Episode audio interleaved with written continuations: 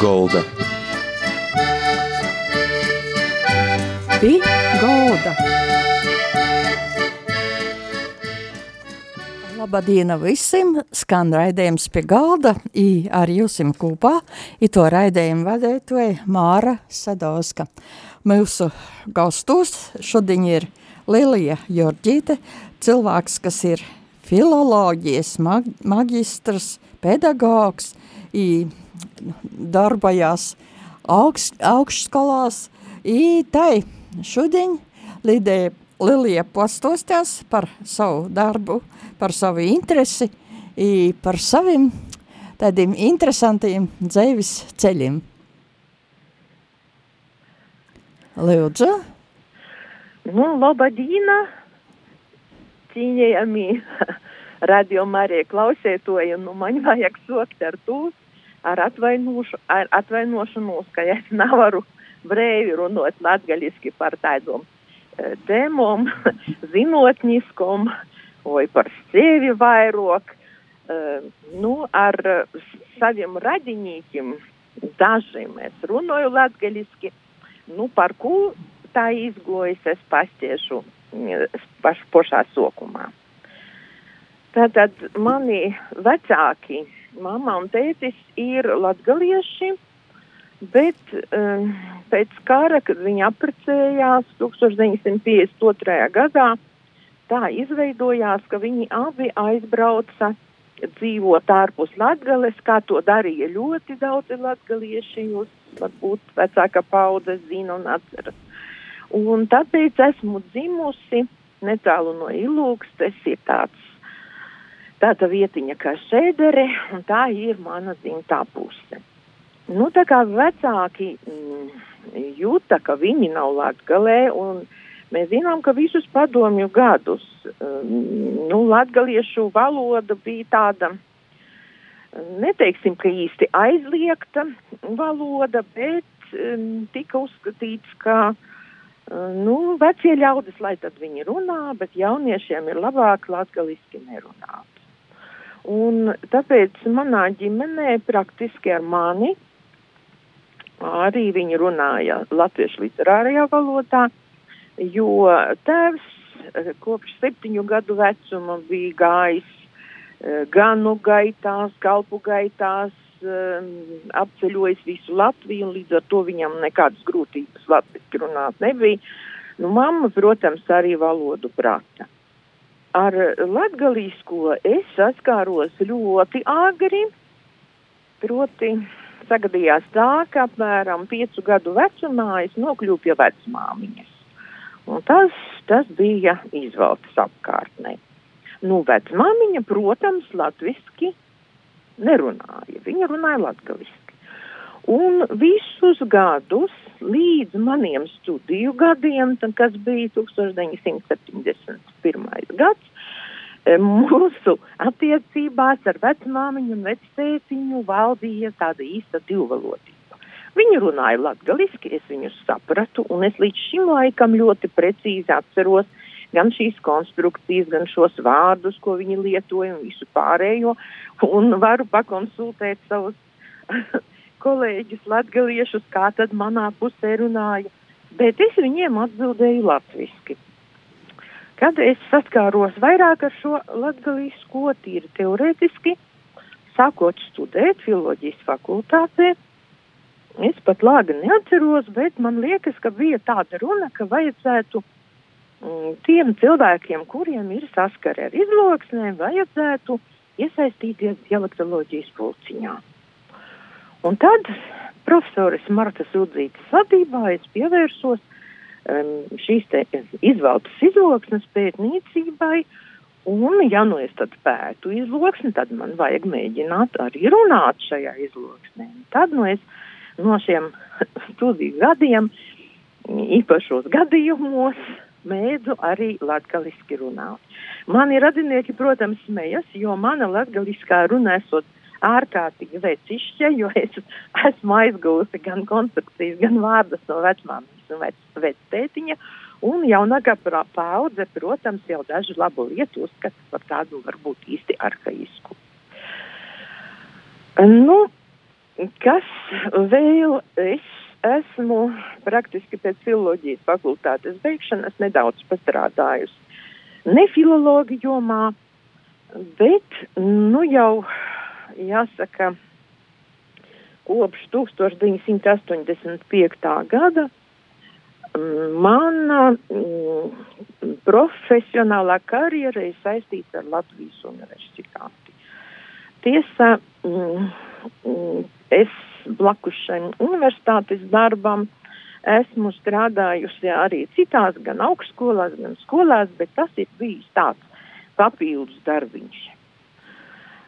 Universitātē man ir bijusi iespēja, protams, uh, lasīt pedago, uh, tas filoloģijas kursus, bet ne filologiem, jo es strādāju Universitātes pedagoģijas un psiholoģijas fakultātē, kuras studenti bija nākamie skolotāji. Tātad ļoti cieši saistīju, biju saistīta ne tikai filoloģija, bet ar pedagoģiju.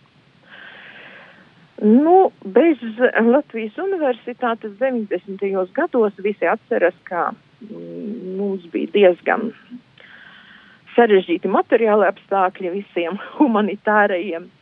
Un tādēļ e, man bija iespēja strādāt, un es arī to izmantoju gan skolā, mācot latviešu valodu un literatūru, mm, īpaši mazākumu tautību skolās, um, lasīt lekcijas Reizeknas augstskolā, kad tā tikko tika nodibināta, un kādu laiku strādāt arī Daugavpils universitātē.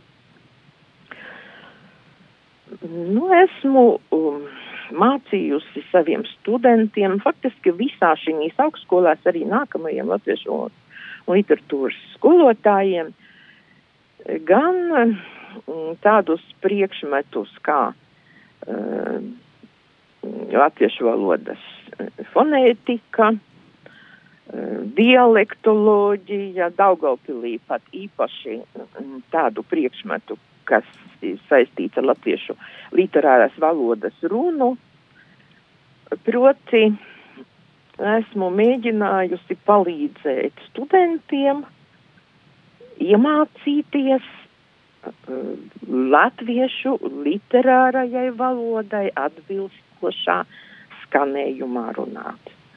Jo mans uzskats vienmēr ir bijis, un es esmu to arī teikusi studentiem, ka, ja tu esi latviešu valodas un literatūras skolotājs, jo īpaši, tad tev ir jābūt paraugam. Gan skaņu izrunas sakarā, gan gramatiskās lietās, gan stilistikā. Tātad pirmais, no kā mācās skolēns, tas ir skolotājs. Un es esmu vienmēr uzskatījusi par to par ļoti svarīgu lietu. Nu, es ceru, ka esmu palīdzējuši dažiem eh, studentiem tikt vaļā no tām lietām, kas viņiem traucēja eh, tam, lai kļūtu par ļoti korektas latviešu literārās runas Nu, tas būtu par Mm, šīm lietām. Eh, blakus eh, savai pedagoga darbībai es diezgan ātri pievērsos personvārdu pētniecībai. Tiesa, nenonācu līdz doktora grādam, kaut gan beidzu doktorantūru Daugavpils universitātei, nokārtoju visu akadēmisko kursu, bet, nu, dažādu apstākļu dēļ man neizdevās uzrakstīt savu promocijas darbu. Jo laikam visu mūžu esmu vairāk runājusi nekā rakstījusi, un tāpēc arī tā rakstīšana man nepadevās tik labi. Mani vairāk vienmēr ir interesējusi tieši vēsture, un tāpēc mani mīļākie kursi, ko docēju tieši pedagoģijas un psiholoģijas fakultātē, bija uh, latviešu valoda etniskās vēstures diskursā. Tas bija viens no kursiem, ko mēs lasījām nākamajiem latviešu valodas un literatūras skolotājiem. kādu laiku, kamēr mums bija šī programma tāda ļoti, nu, vairāk, teiksim, dziļāka un pamatīgāka. Tad, kad uh, studiju procesā m, daudz kas no filoloģijas tika atmests, protams, mans mīļais kurs arī aizgāja nebūtībā. Uh, bija periods Latvijas universitātē, kad, tas bija 90. gados, kad viss studiju process tika sadalīts trijās daļās. Bija tā saucamie A grupas kursi, kas ir obligāti visiem, tad bija B grupa, kas ir noteikti specialitāte obligāti, un bija tā, causā, tā saucamā C grupa. Un šī C grupā es ar prieku piedāvāju savu kursu, kas bija personu vārds kultūras apritē. Un šo C daļu varēja izvēlēties, nu, teiksim, mūsu fakultātē, jebkura specialitātes studenta, ne tikai nākamie latviešu literatūras skolotāji. Un jā, tā kā mm, 90. gados mm, pedagogiem, daudziem pedagogiem, kas bija beiguši pedagoģiskās skolas, vajadzēja iegūt vidējo e, augstāko izglītību, tad mūsu auditorija bija ļoti plaša. Un atceros, kā tajās lielajās klausītavās mēģināju uh, nākamajiem vai esošajiem skolotājiem paskaidrot, cik nozīmīga loma ir personu vārdam cilvēka dzīvē. Tas bija galvenais, ievadīt viņus, uh, lai skolotājs saprastu, kas ir vārds, Kas jāievēro vārda izvēlē? Kas ir uzvārds, tātad tā, tā dzimtas vārds, ar ko saistās jau saiknes ar iepriekšējām paudzēm, un tālāk, kas ir iesauka, kas ir pseidonīms, un vai iesaukas vienmēr ir kaut kas ļoti slikts, kā tās rodas, kāpēc tās rodas, un ko tās liecina par attiecīgā kolektīva psiholoģisko gaisotni. Un visas šīs lietas parasti, nu, mēs zinām, ka neklātniekiem vai nepilna laika studijās ir diezgan maz to um, kontaktstundu. Mani studenti rakstīja savus pētījumus, savus referātus. Un tie man ir saglabājušies līdz pat šim laikam.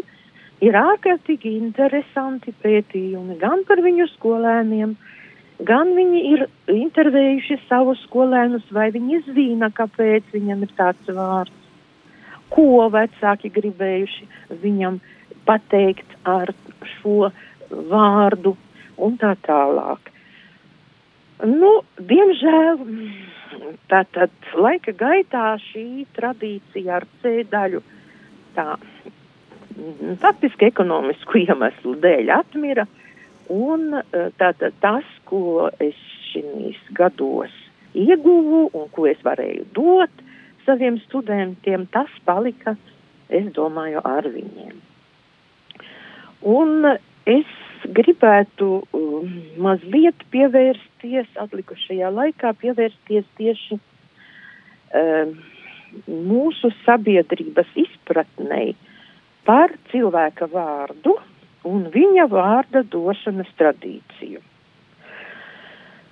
Uh, interesanti, ka pat augsti izglītoti cilvēki nesaprot līdz galam, ko nozīmē kalendāra vārdi un ko nozīmē kalendārs.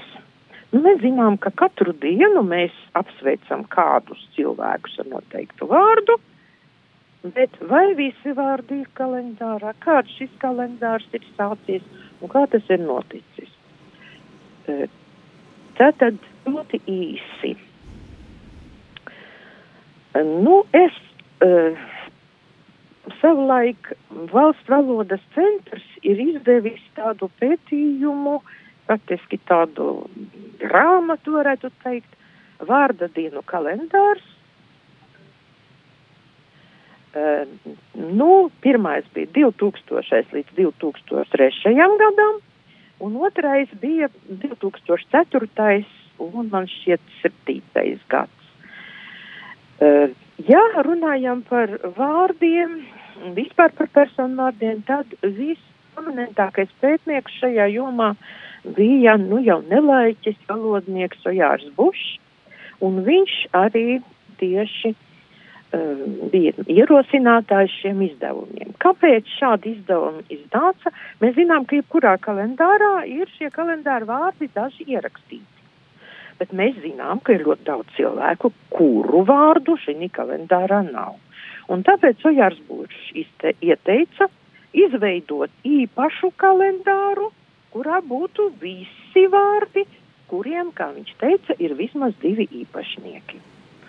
Ja jūs būsiet bibliotekās, jūs šo vārdu dienu kalendārus um, izdevumus divus varat noteikti um, sameklēt un šo izdevumu um, noslēguma daļā ir arī raksti.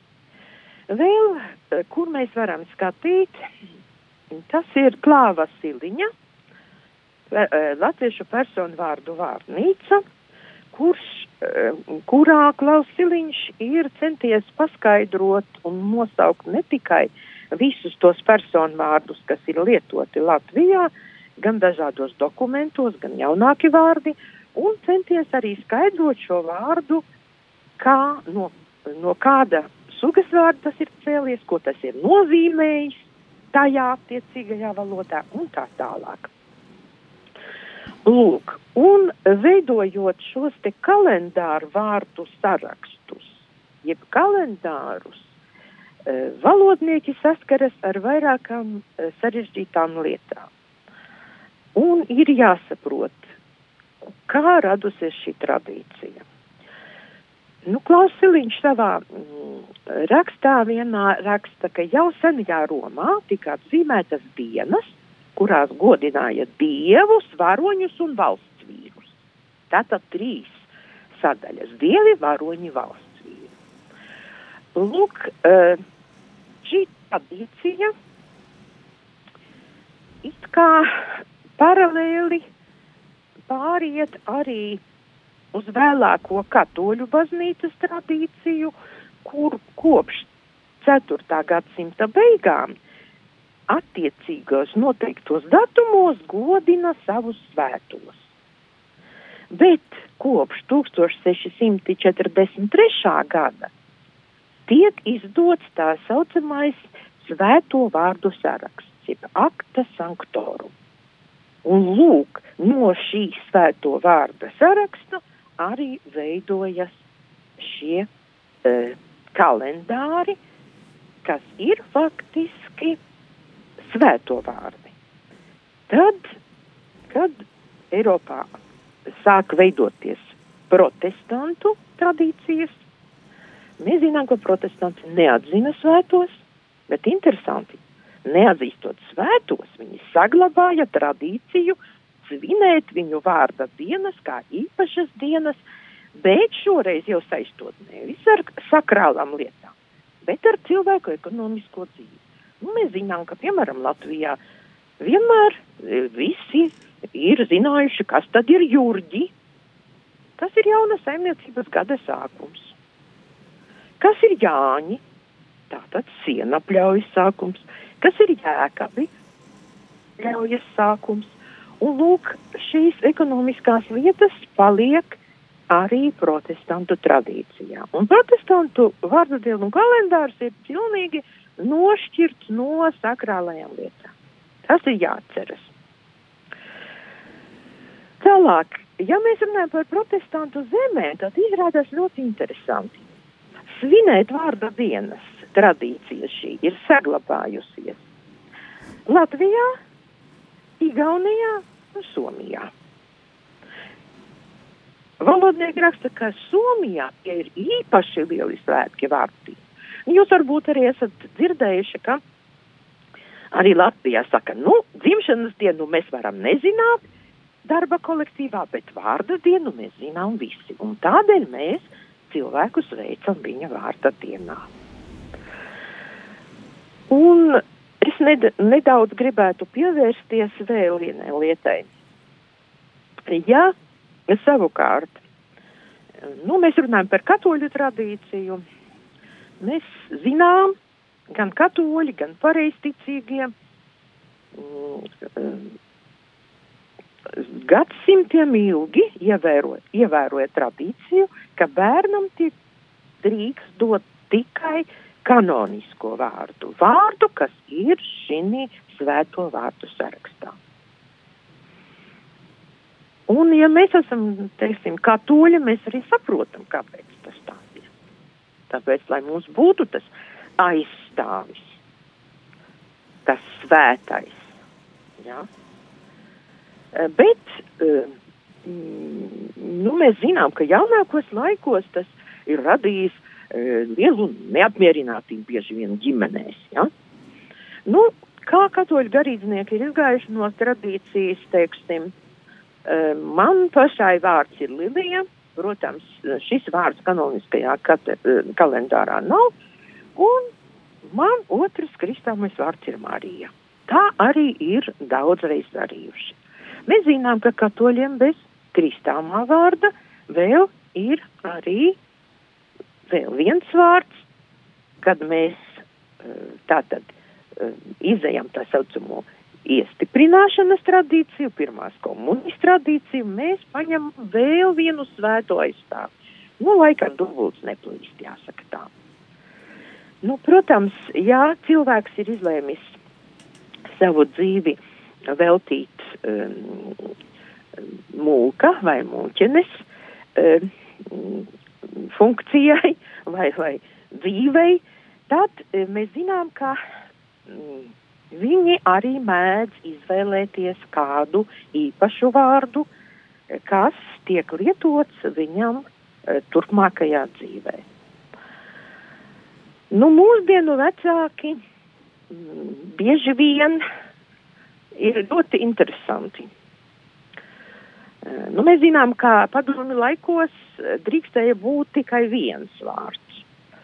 Tagad Latvijā ir pieļaujams, ka mums ir, ir iespējams dot bērnam divus vārdus. Bet kā mēs izvēlamies šos vārdus?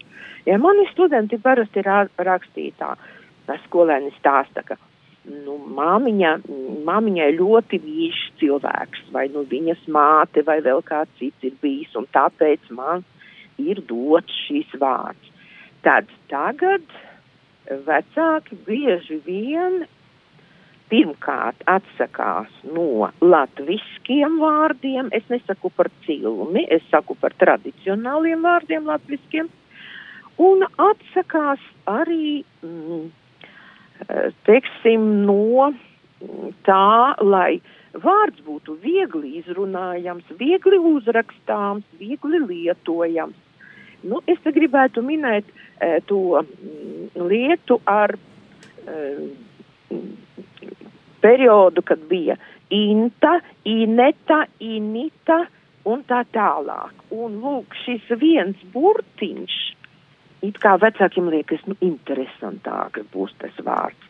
Bet tad, kad ir jāraksta dokumenti, tad tas ārkārtīgi apgrūtina cilvēku, ja, kurš uztver, teiksim, dzirdes kādu vārdu. Nu, vēl trakāk ir ar to, ka mēs dažreiz gribam kaut kādus rietumnieciskus vārdus paņemt, netradicionālus, un nedomājam, kā tas būs eh, latviešu valodā. Nu, piemēram, eh, diezgan daudz problēmu rodas ar vārdiem, kas ir nelokāmi. Nu, piemēram, Rodrigo. Ja jūs gribat teikumos lietot vai vēl kā citādi, tas ārkārtīgi apgrūtina. Nākamais, šis pats vārds Rodrigo. Jūs redzat, vārds ir garš. Un tradicionāli mēs zinām, ka katoļiem arī ļoti daudz garu vārdu. Ko viņi darīja ikdienā? Viņi veidoja vārdu ikdienā lietojamās formas, un tas nav nekas pazemojošs. Pavisam nesen es uzzināju, ka ebrejiem vispār lietot vārda pilno formu pat politiķiem esot kauna lieta. Viņam jābūt uh, īsajā, ikdienā lietojamā. Ja? Nu, mēs zinām, ka Amerikas prezidentu arī um, var saukt nevis Billijs, bet Bils. Vai vēl kā citādi īsā formā. Ja? Un, protams, ka šāda īsā forma ļoti atvieglo sadzīvē šī vārda lietošanu. Bet, nu, ir tā, ka dažbrīd, piemēram, bērnu dārza audzinātājs ir teikušas, ka uh, vecāki pieprasa, ja meitene ir divi vārdi, tad divus vārdus pilnā apmērā visu laiku ir jālieto. Ja? Nu, tas ārkārtīgi apgrūtina komunikāciju. Un, nu, es tomēr gribētu rosināt vecākus padomāt ne tikai par to, vai man šī brīdī tas vārds patīk, bet arī par to, vai tas patiks manam bērnam un vai tas komunikācijā būs ļoti labs. Es jau nerunāju, protams, par tādiem vārdiem, kā te visur bija presē minēts Stīvs Gulbis, piemēram, vārds Stīvs, kuram nav nekāda problēma angļu valodā, bet latviski Stīvs Gulbis ir ļoti jauks um, savienojums vārds un uzvārds, vai ne? Nu, lūk, tā ka es gribētu vienkārši rosināt arī radioklausītājus padomāt vienmēr, kad ir ziņas bērniņš, kādu vārdu mēs viņam dosim un kādu novēlējumu ar šo vārdu mēs šim cilvēkam gribam nodot. Pārģis ideja liels par šo interesantu stostējumu, to interesantu.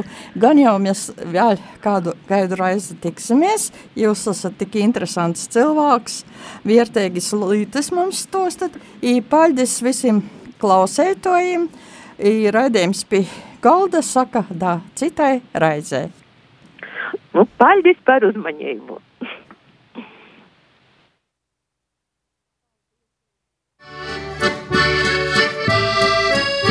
Pī Golda. Pie galda.